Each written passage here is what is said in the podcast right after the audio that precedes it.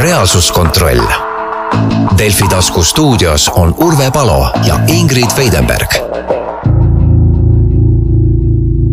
tere päevast, kallid kuulajad taas istuvad stuudios Urve Palo ja Ingrid Veidenberg ja teemaks ikkagi see, mismoodi meie Eesti elu läheb ja kuidas see võiks paremini minna. ja meie oleme nüüd siis jälginud taas nädala jagu sündmusi, oleme lugenud hoolega ajalehti, jälginud telesaateid ja toome teieni selle, mis meile seal silma-kõrva jäi, esitame taas küsimusi, mida võib-olla ei ole veel esitatud ja teeme tähelepanekuid, mida me ei ole seni märganud eelmisel nädalal me mõlemad jälgisime hoolega energiadebatti Eesti Televisioonis, kus siis äh, kuus erakonna esindajat, kõik mehed, pungil testosterooni kahe meessaatejuhi juhtimisel tegid tõelist kukepoksi.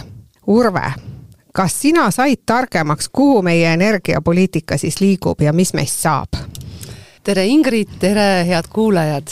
ei saanud kahjuks ja tõsi on see, et äh, kui vanasti öeldi, ei saa me ilma Lätita, siis praegu ei saa me ilma selleta, et me nüüd kolmandas saates jälle energiateemadel räägime ja sellega alustame, sest mis parata, need teemad on laual, kuhugi kadunud ei ole ja lahendusi ju äh, tegelikult äh, mõistlikke ka pole. vaatasin ka saadet ja noh, minu jaoks oli see suhteliselt kurb tõepoolest üks kukepoks ja lahendusi ma ei kuulnud ja väga paljud teemad jäid üldse tähelepanuta, mida mina oleksin oodanud, et arutatakse. see on kummaline. küll aga jäi seekord silma saatejuhtide äärmiselt äh, terav, ma ütleksin isegi, et natuke ebaõiglane suhtumine oma saatekülalistesse. jaa, äh, mul oli sama, et, et ma lausa nimetaksin, et nad pilkasid oma saatekülalisi, mitte kõiki minule jäi silma eh, paar korda, kui pilgati ja naeruvääristati Taavi Aasa ja, ja ka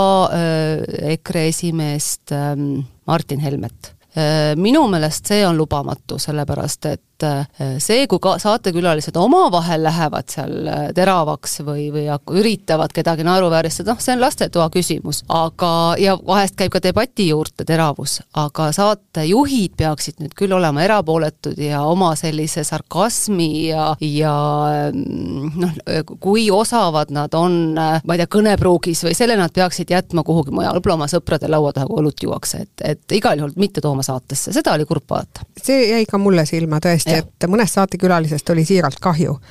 aga sa ütlesid, et osad küsimused jäid täielikult puudutamata, et mis need sinu meelest siis olid, millele selles põhjalikus äh, Kukepoksi saates äh, ei, ei suudetud äh, viidata? No ma tooks kohe mitu. esimene, mis silma jäi ja, ja kõrvu, oli see, et absoluutselt mitte keegi ei tõstatanud teemat, et ikkagi see Nord Pool, kust me oma elektrit täna ostame, elektribörs, et see justkui vajaks reformimist minu arvates ja seda ka väga paljud spetsialistid ütlevad, et, et, et kui see Nord Pool on loodud tingimustes, kus elektrit oli rohkem, kui oli nõudlust, siis ta niimoodi ka toimis kenasti, aga keegi ei mõelnud selle peale, et mis juhtub siis, kui, kui olukord on vastupidine, nõudlus on suurem kui võimsused, mis täna on juhtunud. Ja, ja ehk siis, siis see olukord, kus kas või üks protsent vajaminevast elektrist, mis siis börsile tuleb, pakutakse, viimane üks protsent pakutakse ülikõrge hinnaga ja selle hinnaga ka ülejäänud üheksakümmend üheksa protsenti siis võivad, võivad ja peavadki müüma, mis tekitab anomaalseid, anomaalselt kõrgeid hindu aeg-ajalt ja, ja, ja võimaldab manipuleerida nende hindadega, et, et keegi ei toonud seda teemat, et, et vaja on seda elektribörsi muuta. see on täiesti kummastav jahuti äh, ühedel samadel teemadel jälle ja jälle selle asemel, siis teine pool ähm, väga vähe, üsna põgusalt mindi üle sellest, et äh, need, kes kaitsesid, äh, et jah, et meile piisab ainult taastuvenergiast, et, et meil ei ole vaja muretseda selle pärast, et meil oleks ka sellist juhtivat energiat, kus me saame siis kas otsustada, et me nüüd toodame või ei tooda vastavalt sellele olukorrale, mis parasjagu turul on, et aga okei okay,, kui meil on ainult taastuvenergia, mis on ju, sõltub, kas sul on päikest, kas sul on tuult, üks hetk on, teine hetk ei ole ja me oleme sellest ka siin varem rääkinud, seda peab ju salvestama. et kuidas ikkagi neid salvestusvõimsusi luua, palju need maksavad, kas me juba oleme sellega pihta hakanud? praktiliselt ei räägitud, üks lause mööda minnes väga kummaline. Äh, kolmas teema, mis, millest ma ka aru ei saa, oli see, et ja, ja ma imestan, et ka opositsioon seda ei tõstatanud. et ähm, ühest küljest öeldakse, et meil ei ole piisavalt ressurssi, et toetada ettevõtjaid, inimesi, äh, selle universaalse teenuse üle löödi küll palju lokku, noh, tulemus oli väga-väga kõrge hind, sada üheksakümmend eurot kilovatt-tundi kuskil. ja noh, seda me varsti näeme oma elektriarvetes ja, ja me võtsime laenu, riik võttis laenu, et siis kas või sedagi kompenseerida ja, ja siis, kui Euroopa Liit tegi vastava, vastava mehhanismi, et võib võtta taastuvenergia tootjatelt äh, ülemäärase kasumi nii-öelda oma riigikassasse ja selle eest siis inimesi toetada, seda meie ütlesime, me ei soovi meie seda ei rakenda. jah, kõna, kõlas ka lause äh, minu meelest majandusministri suust, et et me ei rakenda sellepärast, et äh, et äh, las nad siis uutesse võimsustesse selle, selle raha eest äh, panustavad, noh minu küsimus on siit esiteks, kuida- kuidas me seda kontrollime, et uutesse võimsustesse läheb, noh, see peab olema siis kuidagi seadustatud, et seda raha mujal ei tohi kasutada, on esiteks, ja teiseks, kas me siis enam äh, inimestena roheelektri eest ei maksa? et täna on ju niiviisi, et ühtegi roheenergiat ei ole tekkinud ilma meie igakuise elektriarve kaudu toetuseta. et kas sinna siis ei, ei lähe see toetus otsa, no mul muidugi läheb. ehk siis ähm, ja kui noh, kuulajale täpsustada, et millest ma räägin, võib-olla sul on noh, ma olen, ise jälgin ja igaüks ei peagi jälgima seda teemat, et et siis küsimus on selles, et Euroopa Liidus äh, komisjon, Euroopa Liidu komisjon tegi ettepaneku, et ja see ka on tänaseks seadustatud, et on võimalik siis selle aasta detsembrist kuni järgmise aasta märtsi lõpuni, eh, neli kuud on see, on ette teada, et hinnad tõenäoliselt lähevad kõrgeks, et kui on taastuvaist allikatest elektritootjate eh, siis tulu rohkem kui sada kaheksakümmend eurot megavatt-tundi, siis see ületatav osa on võimalik võt-, nii-öelda siis oma riigikassasse, kus see tulu toodetakse, äh, üle kanda või, või, või võtta ja kasutada siis äh, seda äh, selleks, et tasandada neid kõrgeid hindu. ja, ja samuti võeti vastu ju otsus, et, et energiafirmad, Need on siis need kaevandajad, rafineerijad, et peaksid maksma kolmkümmend kolm protsenti ühekordset erakorralist kasumimaksu ehk solidaarsusmaksu, eh, kui selle kasumi pealt, mis on suurem kui sada kakskümmend protsenti möödunud kolme aasta keskmisest kasumist. Eestis me räägime siin siis eelkõige põlevkiviõlist antud juhul. ja jälle eh, meie riik ütles, et ei, meie ei võta seda, meil pole seda raha vaja.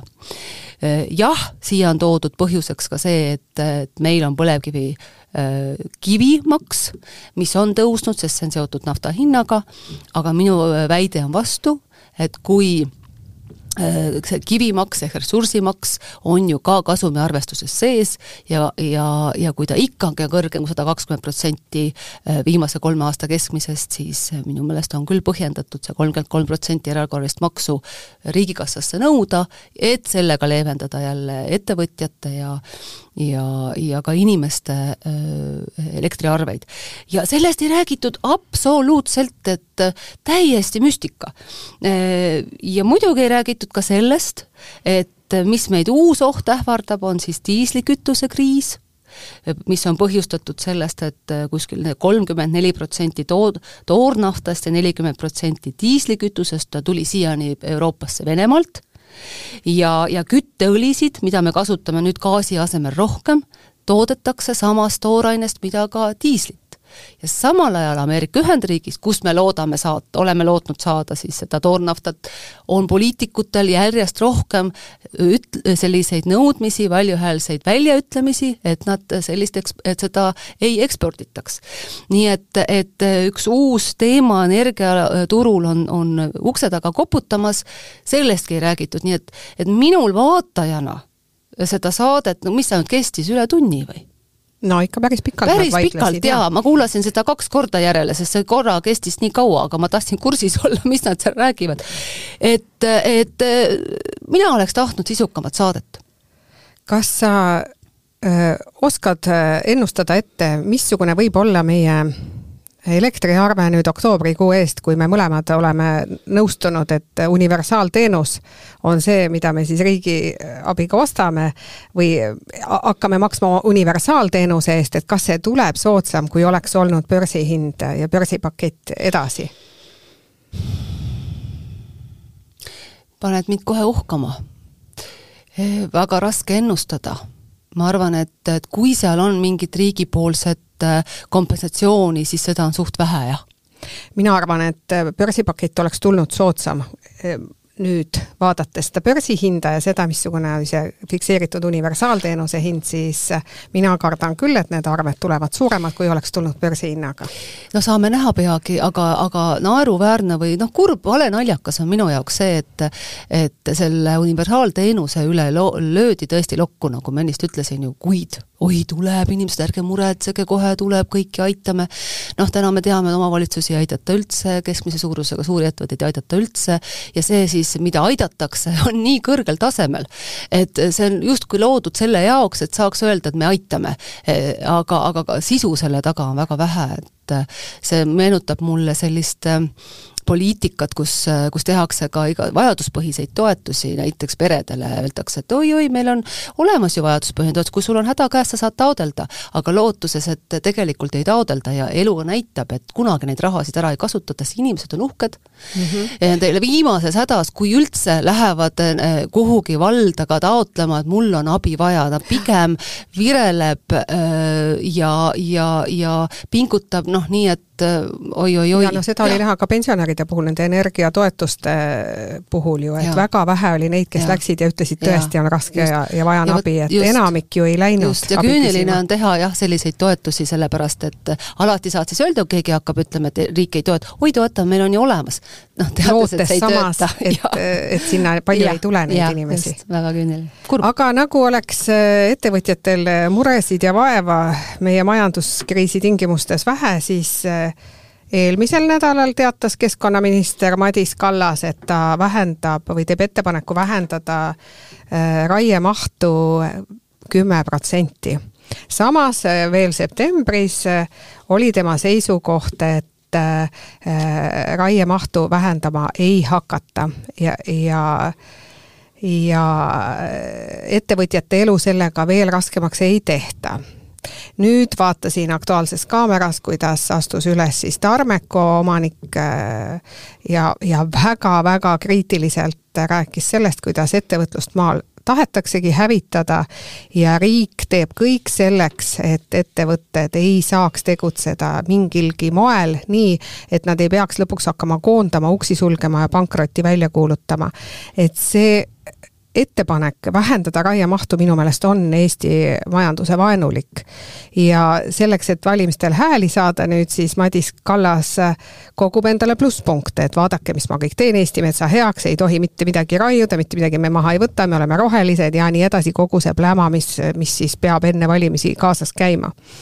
aga minister ei saa minu meelest aru, kust raha riigile tuleb, kust tuleb raha riigikassasse.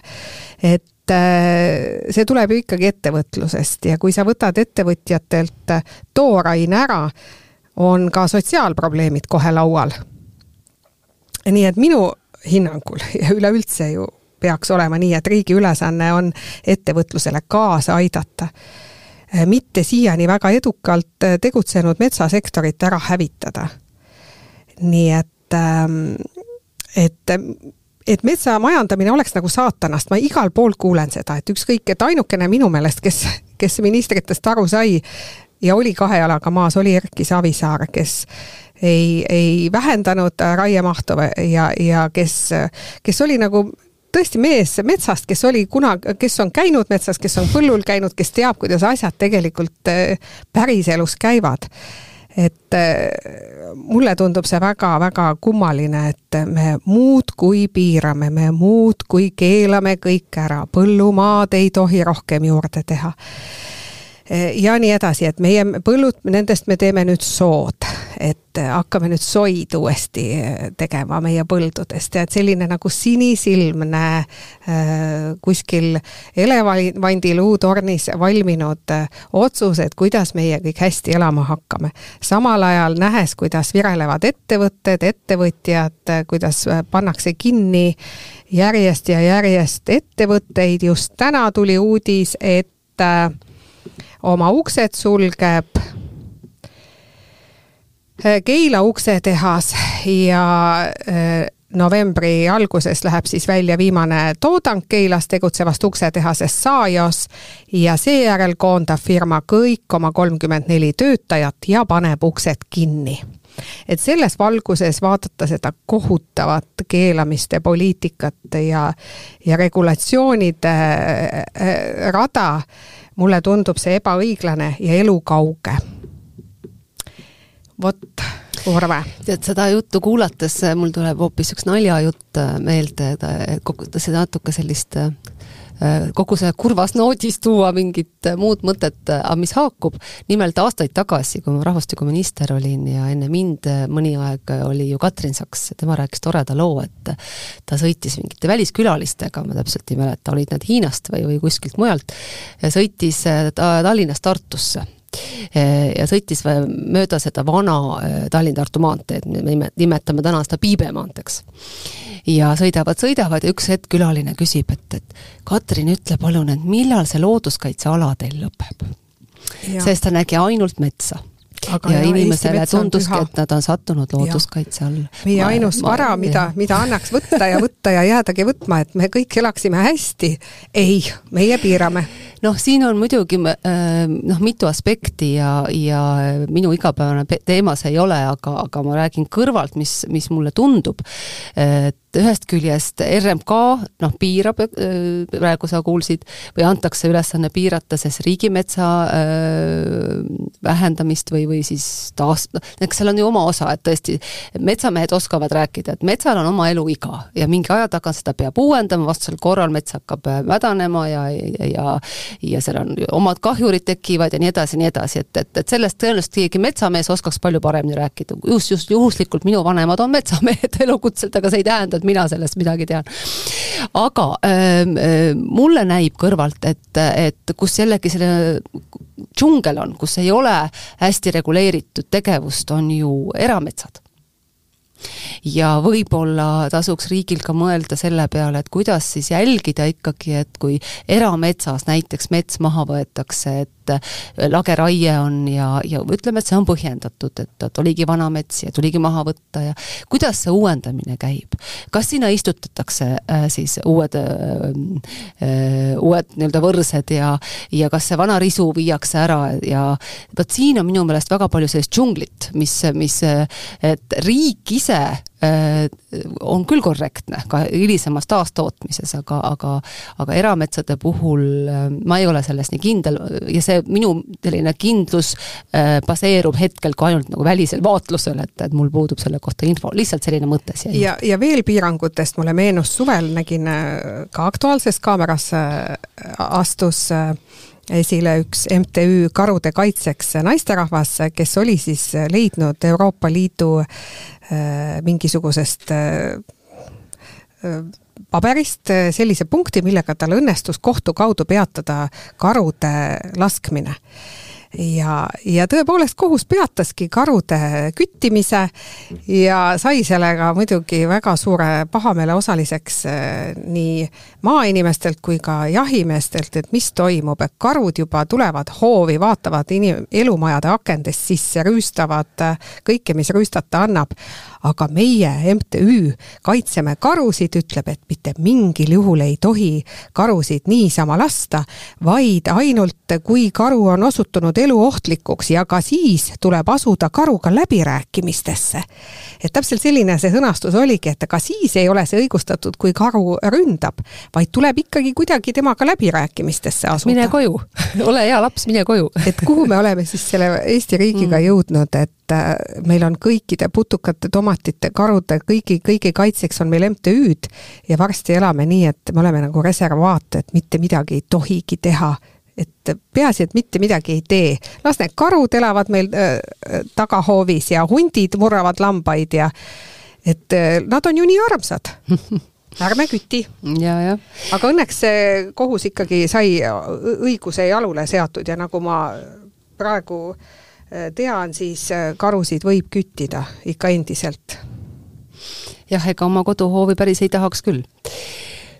Mis minul on hingel olnud sellel nädalal, mäletan, et eelmine kord me rääkisime ka sellest ja tervitasime siis uut Eesti kahesaja juhti, kelleks sai Lauri Hussar, et just sellel päeval, kui meie siin omavahel vestlesime, ta, see uudis tuli ja kohe jõudis ta olla esimeses stuudios ja ajada sellist juttu, et no tule eile meile, võta homne ajaleht kaasa, et lugege rohe rohepöörde mingisugust ühte dokumenti, mis tema on kuskilt internetist leidnud ja seal on kõik kirjas.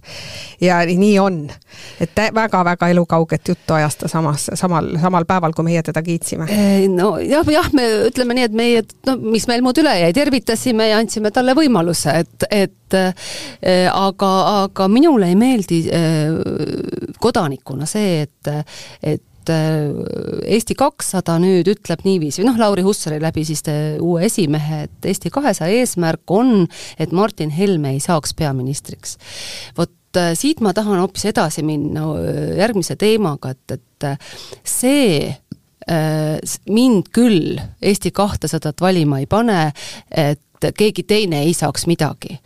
mina tahan kuulata, mida teeb see erakond selleks, et Eesti elu oleks parem ja vot seda selliseid no, sõnumeid äh, ka Reformierakond just. on ju absoluutselt vastandunud ennast nüüd EKRE-le ja sellele ehitanud üles ka oma valimiskampaania, et kui sa meid ei vali, siis tuleb kuri EKRE ja tuleb, tuleb hunt ja karu ja, ja vot, mis siis kõik juhtub. just, et, et kahjuks meie endine äh, president Kersti Kaljulaid, tema alustas ka tugevalt seda retoorikat, et, et on õiged ja valed parteid ja lõi sellega Eesti kahte leeri. Ja mulle see üldse ei meeldinud ja, ja, ja see kurvastas mind e, ühe tema valijana Riigikogus omal ajal ja väga toetajana väga, et, et, et et ta sellise tee võttis ja nüüd on meil siis tõesti, kui vaatame äh, suurt erakonda, kes on meie juhtiv erakond täna veel vähemalt, Reformierakond, siis nemad on alustanud ka uut kampaaniat ja, ja selle kampaania keskmes on vastandumine EKRE-ga äh,. Muidugi ma saan sellest endise poliit-, poliitikuna aru, miks nad seda teevad. sest et vastandumine on toonud neile siiani edu ja hirmutamine on toonud edu.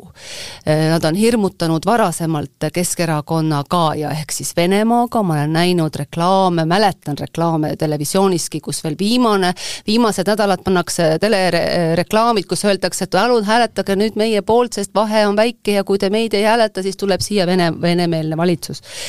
ja mäletame ka seda, kui kui Taavi Rõivas äh, mm, aastaid tagasi pea, veel peaministrina, kui oli äh, Gruusia sõda Venemaa tungis Gruusiasse, siis peaminister äh, Rõivas äh, poseeris äh, Ämaril lennukite taustal ja jälle ähvardas inimesi, et kui te Reformierakonda ei vali, siis on Eestis ka sõda varsti. ja, ja niimoodi va-, hirmutamise teel on Reformierakond oma valimisvõitusid saanud väga pikka aega ja loomulikult ei soovi nemad oma mustrit murda, mis on teeninud.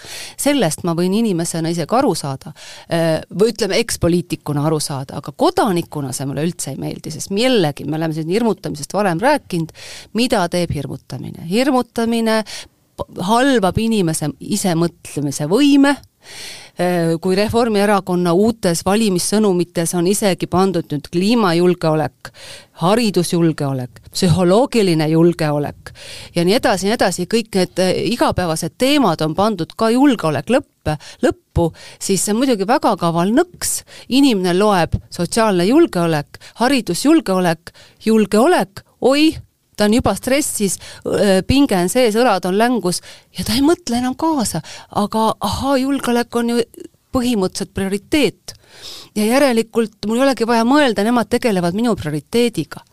aga minu küsimus on hoopis see, et kui me liigselt keskendume välisele ja ei tegele sisemiste teemadega, siis see on ju hoopis julgeoleku küsimus, sest kui inimesed on rahulolematud, siis päeva lõpuks ja see rahulolematus kasvab, sest nad ei ole eluga rahul, valitsus ei tegele mitte oma inimestega, vaid nagu hirmutamise ja ja, ja sellise nagu noh, mingi miimiga, miimi tekitamisega, siis ja sisuliste teemadega ei tegeleta, siis varem või hiljem lõpeb see väga halvasti.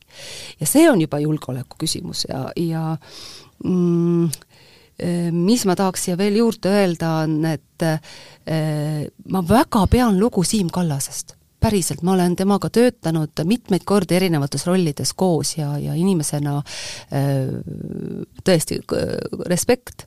aga lugesin eile tema artiklit Postimehes, arvamuslugu ja üldse ei saa nõustuda. ja ma saan aru, miks ta seda teeb, võib-olla usub ka, aga suures osas on see avapauk või, või toetus üldisele kampaaniale, seal ta muuhulgas selle artikli käigus, vastandudes siis EKRE-ga äh,, halvustab ta inimesi, kes ei saa oma eluga hakkama ja, ja toob just, naeruvääristab, et, et need on justkui need EKRE valijad.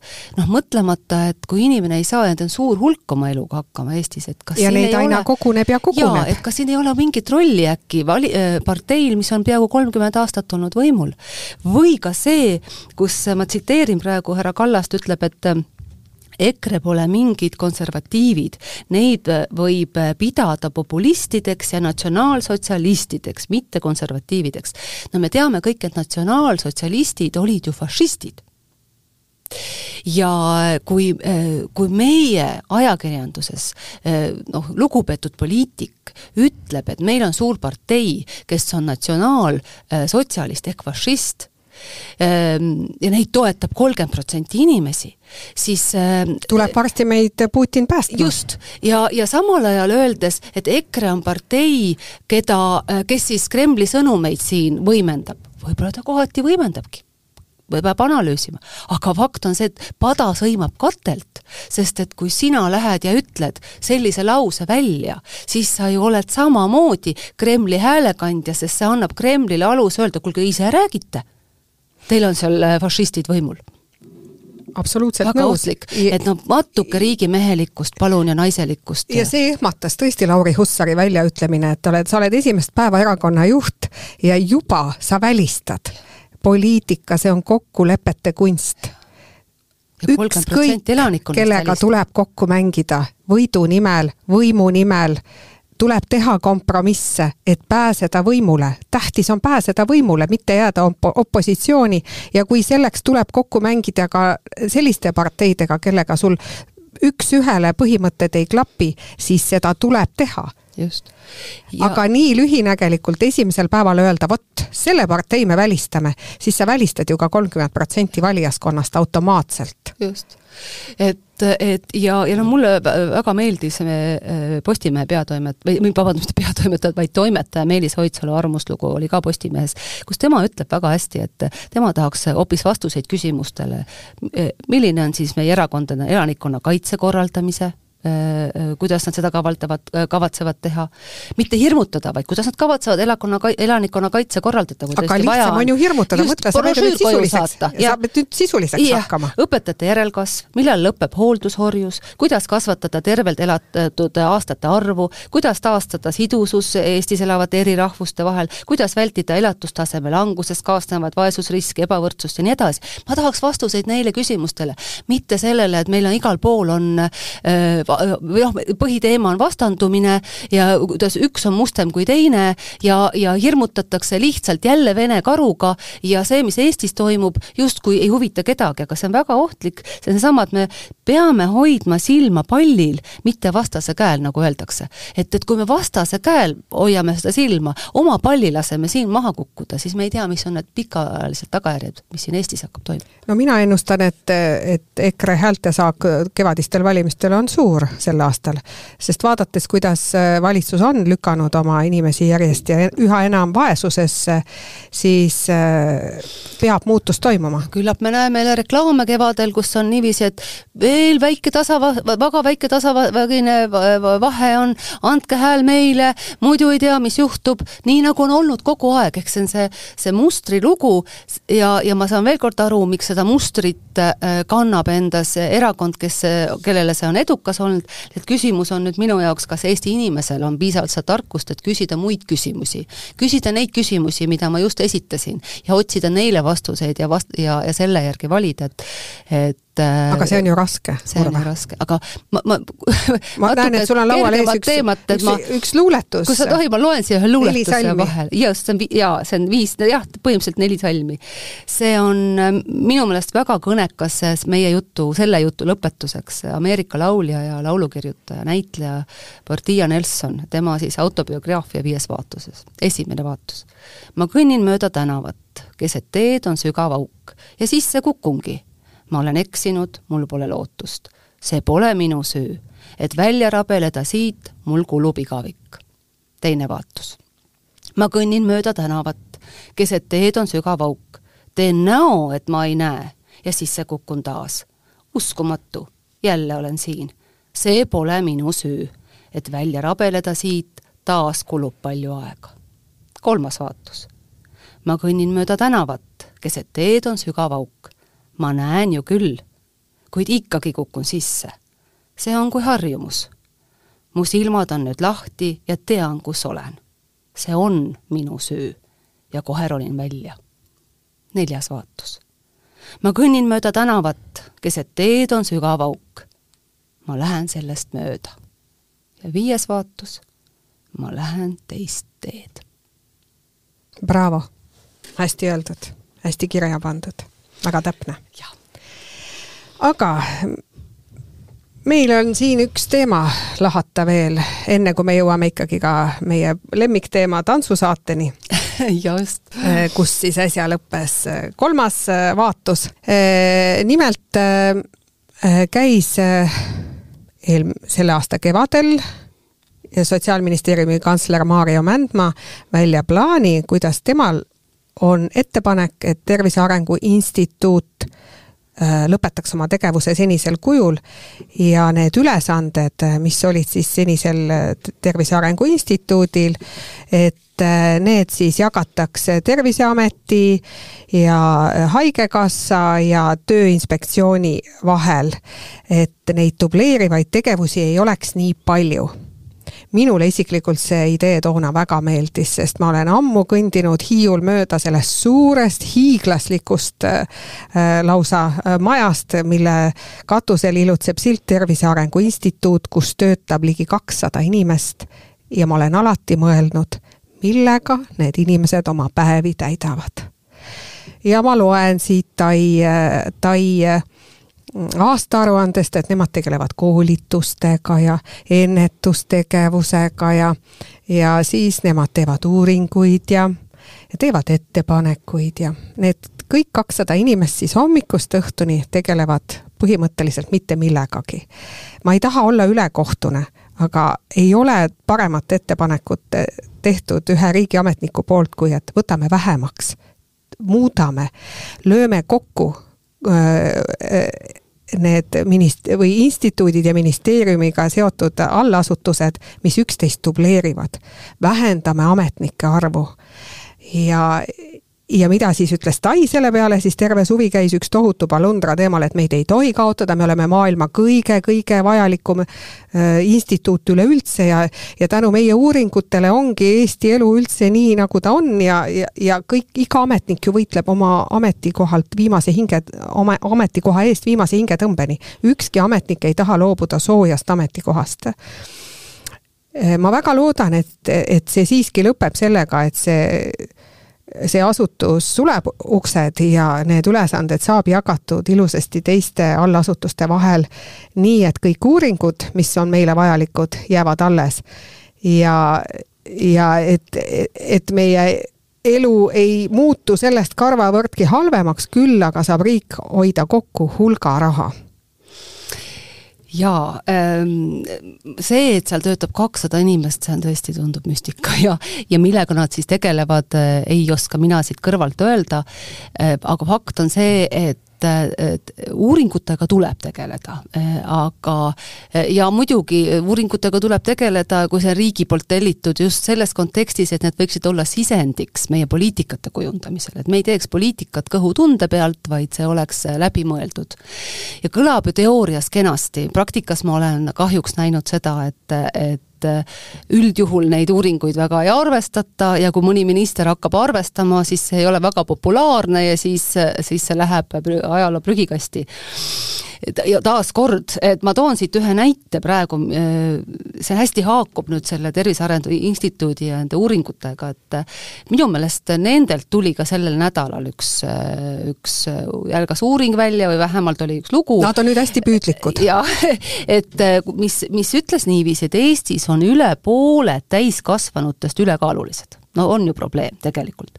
ja, ja noh, et inimese käitumist on väga raske muuta, seda me teame, seesama, see on see mustrite lugu jälle, ja, ja muidugi üks võimalus selleks, kui me räägime nüüd ülekaalulisest ja mustritest, on, et noh, rohkem tähelepanu pöörata, et siit jällegi saaks see al-, alus äh, Haridusministeeriumile, nende poliitikate kujundamisel, et, et rohkem pöörataks tähelepanu noorte ja laste siis sellisele füüsilisele aktiivsusele, et kui see nooruses tekib sul harjumus, siis vanaduses või hiljem ka noh, oled selles mustris sees ja, ja, ja aktiivselt kehaline, kehaliselt aktiivne e,. Aga mis mulle meenub praegu, on see, et aastaid tagasi, kui üks minister, Jevgeni Ossinovski oli siis sotsiaalterviseminister, võttis teemaks, et Eestis on ka liiga palju ülekaalulisi tervisehädasid sellest tulenevalt ja ta ei võtnud seda ju õhust, vaid nendest samast hai uuringutest. ja et üks võimalus selle vastu äh, võidelda on äh, vähendada suhkru osakaalu äh, meie toidus. ja, ja, ja ja oi, kuidas ta sai äh, vastuseisu osaliseks, alates sellest loomulikult kogu toiduainete tööstus pani oma PR äh, äh, masinavärgi, masinavärgi tööle mm -hmm. ja see jõudis kuni presidendi roosiaia kõneni, kus siis, kujutan ette, kuidas minister, kes ise seal kohal pidi kuulma, et tema on kõnes, et, et moosipallidega tegeleb ja nii edasi, aga tegelikult ta ajas õiget asja, aga, aga lõpuks lõi ka tema käega, et kaua võib üksinda tuuleveskitega võidelda ja sellest on kahju, sest sest et äh, näiteks Suurbritannias tehti uuring, et äh, ja seal on, on kaks näidet, mis minu meelest on siin väga kõnekad. tasub selle teemaga tegeleda, sest riigil on tohutu suur roll inimese käitumise noh, nagu kujundamisel või, või siis äh, mõjutamisel. alates sellest, et kas reklaamid on lubatud, ja lõpetades sellega, milline suhkrusisaldus on lubatud. näiteks Suurbritannias kaks tuhat kuusteist andis riik teada, et et äh, vähendatakse äh, või õigemini, et tekib suhkrumaks ja see tekib kahe aasta pärast, kaks tuhat kaheksateist, et noh, viisakalt äh, pikk aeg ette. ja tead, mis juhtus, Ingrid, selle kahe aasta jooksul? Võrreldes kaks tuhat kuusteist kuni kaks tuhat kaheksateist, siis magustatud joogid, on need limonaadid, Coca-Cola ja edasi, suhkrusisaldus vähenes viiskümmend protsenti. see tähendab seda, et äh, nad ise tõid välja, et nelikümmend viis miljonit kilo suhkrut aastas kulutas siis rahvas vähem, jõi vähem sisse.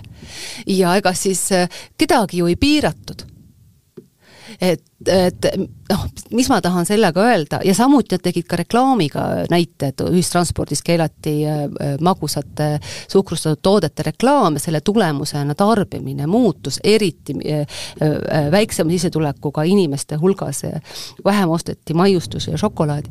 et, et kui nii võtta, kui tubakareklaam on keelatud, mis on tervisele ohtlik, siis tõepoolest, kas peab olema, et joo seda limonaadi, mis on suhkrut täis või, või ka muud magusat asja, kas need reklaame peab olema iga nurga peal, et, et jah, me ei võta, me ei pane leti alla nagu, nagu tubakatooteid, aga kas, et, et kuskil on see keskmine tee ja, ja see, et riik üldse sellega ei tegele ja, ja uuringutele tähelepanu ei pööra, sest see ei ole populaarne, see minule kodanikuna jällegi üldse ei meeldi ja olukorras, kus on tohutu toiduaine hindade tõus ja samas ostujõu tohutu vähenemine, lugesin ma just lihatootja, kes teeb ka Rakvere tooteid, äh, arvamust, kuidas inimesed on äh, hakanud valima kahekümne aasta taguseid toite, ehk siis ostetakse keeduvorsti ja ostetakse odavat hakkliha, ehk et ja, ja ja samas toidutootjad ise möönavad, et toidu sees ei ole, toidu seest läheb välja liha, asendub kondimassiga, et hoida seda hinda, mida inimene üldse jaksaks osta ja, ja, ja, ja lihatooted lähevad väiksemaks mm. -hmm et kogused lähevad väiksemaks, et saada, et inimene üldse jaksaks osta, et ta ostabki tegelikult siis seda kondijahu massi selle asemel, et osta korralikku liha mis tähendab, et see terviserisk jaa, et, et see äh, tüsenemine ootab meid alles ees, kes me, kes meie toidulaud peab ju koosnema millestki ja kui su ostujõud on kahe kuupalga jagu aastas vähenenud, siis äh, sa paratamatult oled sunnitud valima äh, keeduvorsti ja, ja vorsti, mille sees ei ole grammigi liha, sest selle hind on sulle vastuvõetav nii et äh, ma arvan, et hullud. jõuame ka energiahindadeni jällegi, et kus riik saab äh, oma osa äh, anda, et need ei oleks nii kõrged tootja jaoks ja see hind ei läheks nii kõrgeks tootmisest aga, aga siit edasi ma tahaks tõstatada veel ühe teema, mis puudutab sellist riigi toimimist. Ja praegu me loeme pealkirju, kus siis äh, siseminister äh, Läänemets on teinud äh, üllatava politseijuhi valiku.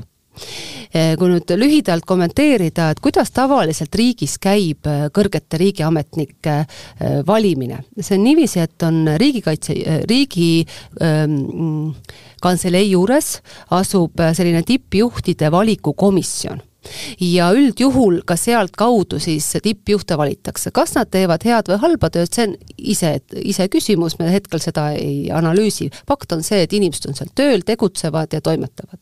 ja see on, on selline reegel. jah, politseijuhti ei pea selle kaudu valima mingil põhjusel, küll aga äh, Läänemets tööle asudes otsustas, et ta kasutab seda komisjoni ja saatis kolm nime sinna äh, valiku, valikusse siis, et, et tegeletakse, inimestele tehti erinevaid teste, isiksuse ja käitumistesti, küsiti visiooni kohta ja, ja, ja seal oli siis kaks kandidaati, olid Politsei- äh,, Piirivalveameti asedirektorid täna ja üks äh, on äh, Päästeameti juht tänane. ja, ja valiti üks kandidaat välja, kelleks siis on tänane Politsei-Piirivalveameti asetäitja. ja selle peale ütles Läänemets järsku ootamatult, et ei, et tegelikult ta mõtles ümber, et tema soovib edutada hoopiski oma asekantslerit. ja kui küsitakse, et miks, miks, kus selline meelemuutus, mis noh, kas siis sisuliselt midagi ei sobi või, või miks tema parem on, siis ta ütleb niiviisi, vähemalt lehe vahendusel ma lugesin, et, et usaldage ministrit, usaldage siseministrit. noh, mul tekib küsimus, kui minister on ametis olnud napp neli kuud, ei ole usaldust veel ära teeninud vähemalt minu silmis küll mitte. et ja kuidas tema ise ka nelja kuuga on õppinud selgeks siis oma asekantslerit seal nii hästi tundma. et, et see tekitab küsimusi, aga siit edasi, noh riigi toimimise seisukohalt on minu jaoks äh, mitte okei okay,, et üleüldiselt ministeeriumid, kelle haldusalu, alas on erinevaid asutusi, noh ütleme siis äh, Siseministeeriumi haldusalas on Piirivalve ja Päästeamet äh, äh, ja ise ta kontrollib seda ametit ja, ja siis nüüd ta ütleb, ma lähen ise seda juhtima, noh, asekantsler sealt, et ta nagu teeb endale ise töökoha. sama on juhtunud Majandusministeeriumis, neid näiteid peab rohkem tuua, ma toon ise praegu kaks. majandusministeeriumi kaks viimast kantslerit on läinud juhtima oma allasutust varasemat, ehk siis üle-eelmine äh, kantsler äh, Merike Sisask läks juhtima Eesti Raudteed, mis oli tema allasutus, tänaseks on ta küll juba tagasi ringiga äh, Rahandusministeeriumi kantsleri koha peal, ja järgmine kantsler, Ando Leppimann, läks nüüd juhtima Eesti Riigi Varude Keskust mis on jälle samamoodi Majandusministeeriumi allasutus. see on nagu mingi mäng. jaa, kusjuures, jah, mhm. kusjuures äh, äh, nõukogudes, noh, nõukogud, kes neid asutustes on ja kes valikuid teevad äh,, kui me räägime nüüd äh, asutustest äh,, siis äh, nendes nõukogudes istuvad ka nende ministeeriumide esindajad ehk siis ametnikud, ehk siis see ametnik äh, valib seal oma endist ülemust siis juhiks ühesõnaga, see on üks Soodom ja Gomorra ja ma ei pane praegu küsimärgi alla nende inimeste pädevust lihtsalt kui protseduur, kui põhimõte, see ei ole tegelikult okei okay. ja siis me imestame nüüd, tulles tagasi Keit Pentus-Rosimannuse juurde, et ja pahandame, et tema ise tegi endale töökoha kontrollikotta.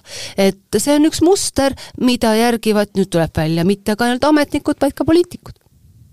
Jah, ja, ja need äh, asjaolud, mis on seot-, mis on nüüd äh, välja tulnud seoses Keit Pentus-Rosimannuse äh, kohale kandideerimisega on eriti naljakad ja natukene isegi naeruväärsed, et on ju avalikuks saanud tema meilivahetused ja kuidas ta ise on seda asja dirigeerinud ja suunanud, et no mida me teadsime, aga lihtsalt no mida me teadsime nüüd, nüüd on see ka kõik avalik ja, ja, ja, ja see on piinlik see on piinlik ja kurb ja, ja, ja inimestele kõrvalt jälle seda vaadates noh, teki-, kehitavad õlgu ja järjest rohkem kaugenevad riigist jah, et kui mis asjad käivadki nii, et jah, et mis, mis me siis oskame mujalt nõuda.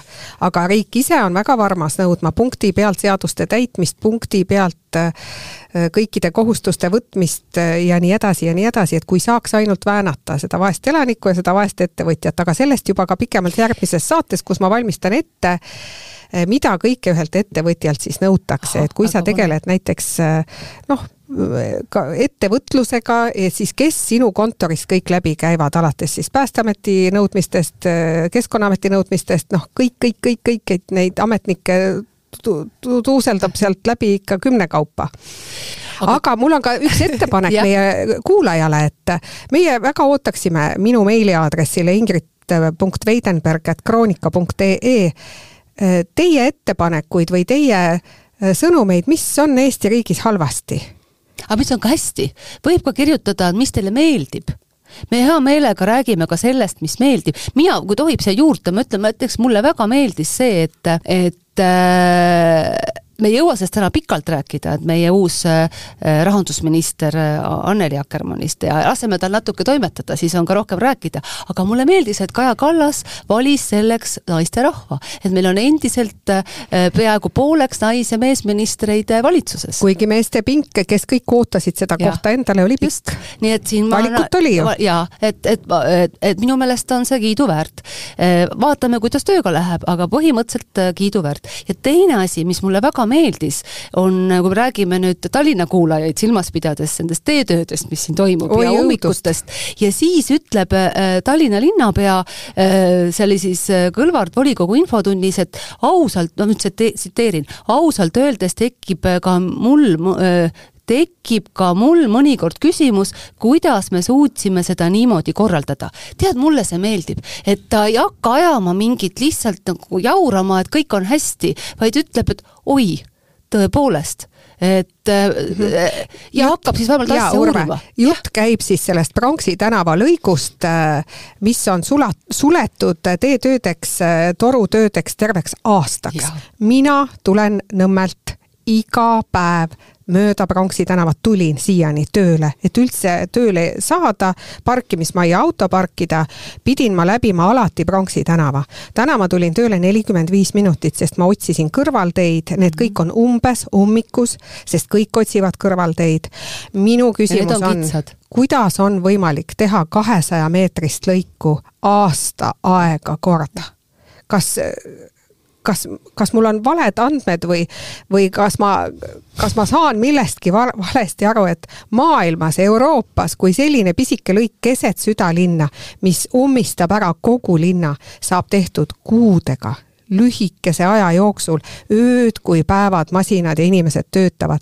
laupäev-pühapäev kõndisin ma mööda, jalutades Pronksi tänavast, ei ühtki töömeest, ei ühtki koppa, ei ühtki seda tehakse kakskümmend neli tundi, seitse päeva nädalas, kui on sellised kohad. kakskümmend neli tundi, seitse päeva nädalas ja Pronksi tänav olgu paari kuuga avatud. mis mõttes aasta? aga mulle meeldib, et linnapea, kes tõepoolest ei tegele iga päev ju selle küsimusega, ütleb, imestab koos ja ütleb, et tõepoolest asi jaa, aga kas me jäämegi imestamise taha, oi jaa, tõepoolest, aga kas ta võttis ka midagi ette? Äh, no ma lugesin seda ka pikemalt, siis ta hakkas ka seletama, et no hanked ja nii edasi, ta ei saa neid enam muuta. aga, aga mulle meeldib, et ka ütleb üks poliitik, et tegelikult see ei ole okei okay sest liiga palju ma kuulen seda, kus kõik on kogu aeg okei okay, ja ma ütlen, et ei ole ju et ma tahaksin kuulda rohkem ka poliitikute suust, kui nad ütlevad, et tegelikult jah, ei ole okei okay.. ja siis nad kas muudavad või seletavad ära, miks nad ei saa muuta, aga nad julgevad välja öelda ka, kui midagi ei ole okei okay ja me ootame seda, aga me ja. ootame siis ka teie ettepanekuid, mis on teie meelest halvasti ja mis on hästi. nii et saatke julgesti ja me võtame need teemaks oma podcastis. nüüd aga, Urve, mul on sulle küsimus tantsusaade, meie suur lemmik, et äh, lugesin ma sellist uudist ja, ja, ja see johtus siis äh, nädala populaarsemate saadete topist, et teise saatena kaotas Tantsud tähtedega võrreldes esimese saatega kolmkümmend tuhat vaatajat et kui esimesel saatel oli vaatajaid sada kuuskümmend üks tuhat, siis teises saates oli neid juba kolmekümne tuhande võrra vähem et mis sina arvad, et kui meie omal ajal saates käisime tantsimas, siis see saade oli väga populaarne esimesest saatest kuni viimaseni. miks on tähelepanu äh, nii leige alates siis teisest saatest. ka, ka kolmanda saate tulemused on tulnud ja need jäävad äh, samale tasemele äh, teise saatega, et äh, oli samamoodi sada kolmkümmend kuus tuhat vaatajat, mitte enam sada kuuskümmend üks tuhat vaatajat noh, selge on see, et esimest saadet vaatas, vaatasid ka planeet, kes muidu ei vaata huvi pärast ära, kes ei ole potentsiaalne vaataja. see, see on see esimese saate fenomen ma tean, et samal ajal on, on Kanal kahes jah, äh, on see ma tun-, ma näen ma su näen häält. su häält. ja noh, seal on oma fännklubi kujunenud, see on ka populaarne saade ja küllap siis eelistavad ka need kolmkümmend tuhat, kes tol hetkel ei vaadanud, läksid oma, oma mustri juurde tagasi ja hakkasid vaatama seda, mis on harjunud ähm,. ma ei tea, kui su-, kui suur vaadatavus oli siis tõesti aastaid tagasi, kas see oli seal kahesaja tuhande kanti päris või? oli ikka jaa, ikka väga, väga suur ja Aha. mitte kunagi ei ilmunud uudist, et tantsusaate vaadatavus on kolmkümmend tuhat äh, vaatajat langenud. pigem ta kasvas. Äh, keeruline öelda tõesti, mina näiteks olen vaadanud seda Ma näen su häält ja ma ei ole suutnud seda lõpuni kunagi vaadata, minu jaoks, minu jaoks on see suhteliselt selline igav ja ja veniv, see on minu arvamus, ma vaatan üldse vähe tegelikult televiisorit, vähe, vähe reality show sid ei vaata üldse ja nii edasi, see on minu, ma vaatan rohkem Netflixi ja, ja siis poliitikasaateid? Mm, ei, poliitikat ma loen lehest ja, ja, ja rohkem ja ma vaatan päris noh, kui mul on, tahan midagi vaadata, siis ma vaatan mingit seriaali või filmi sellest äh, Jupiterist. aga nii et ma ei ole tüüpiline ja kahjuks ka seekord ma ei näinud, kuigi ma tahtsin näha seda tantsusaadet pühapäeval, et saaks sinuga täna siin rääkida. aga ma ei olnud kodus ja, ja mul ei ole ka seda paketti, et ma saaks järelvaadata, aga räägi mulle, mis seal siis oli? no seal ei olnud mitte midagi muud, kui et see äh, nimi, kelle ma käisin välja meie esimeses saates, et kes on minu meelest saate potentsiaalne võitja, see langes välja nii et, et mina esimeses saates ütlesin, et minu favoriidid nägemata ühtegi saadet, lihtsalt äh, lambist äh, nende nimede põhjal, äh, et võidavad kas Juss Haasma või Ruslan Trotšinski, siis mõlemad olid nüüd kolmandas saates väljakukkumise äärel ja Juss kahjuks kukkuski koos oma sümpaatse tantsupartneriga, mis on minu meelest ebaõiglane. mina ei saa aru, mida Juss valesti tegi, miks, mis, mis, miks oli tema areng kehvem kui teistel nädala jooksul.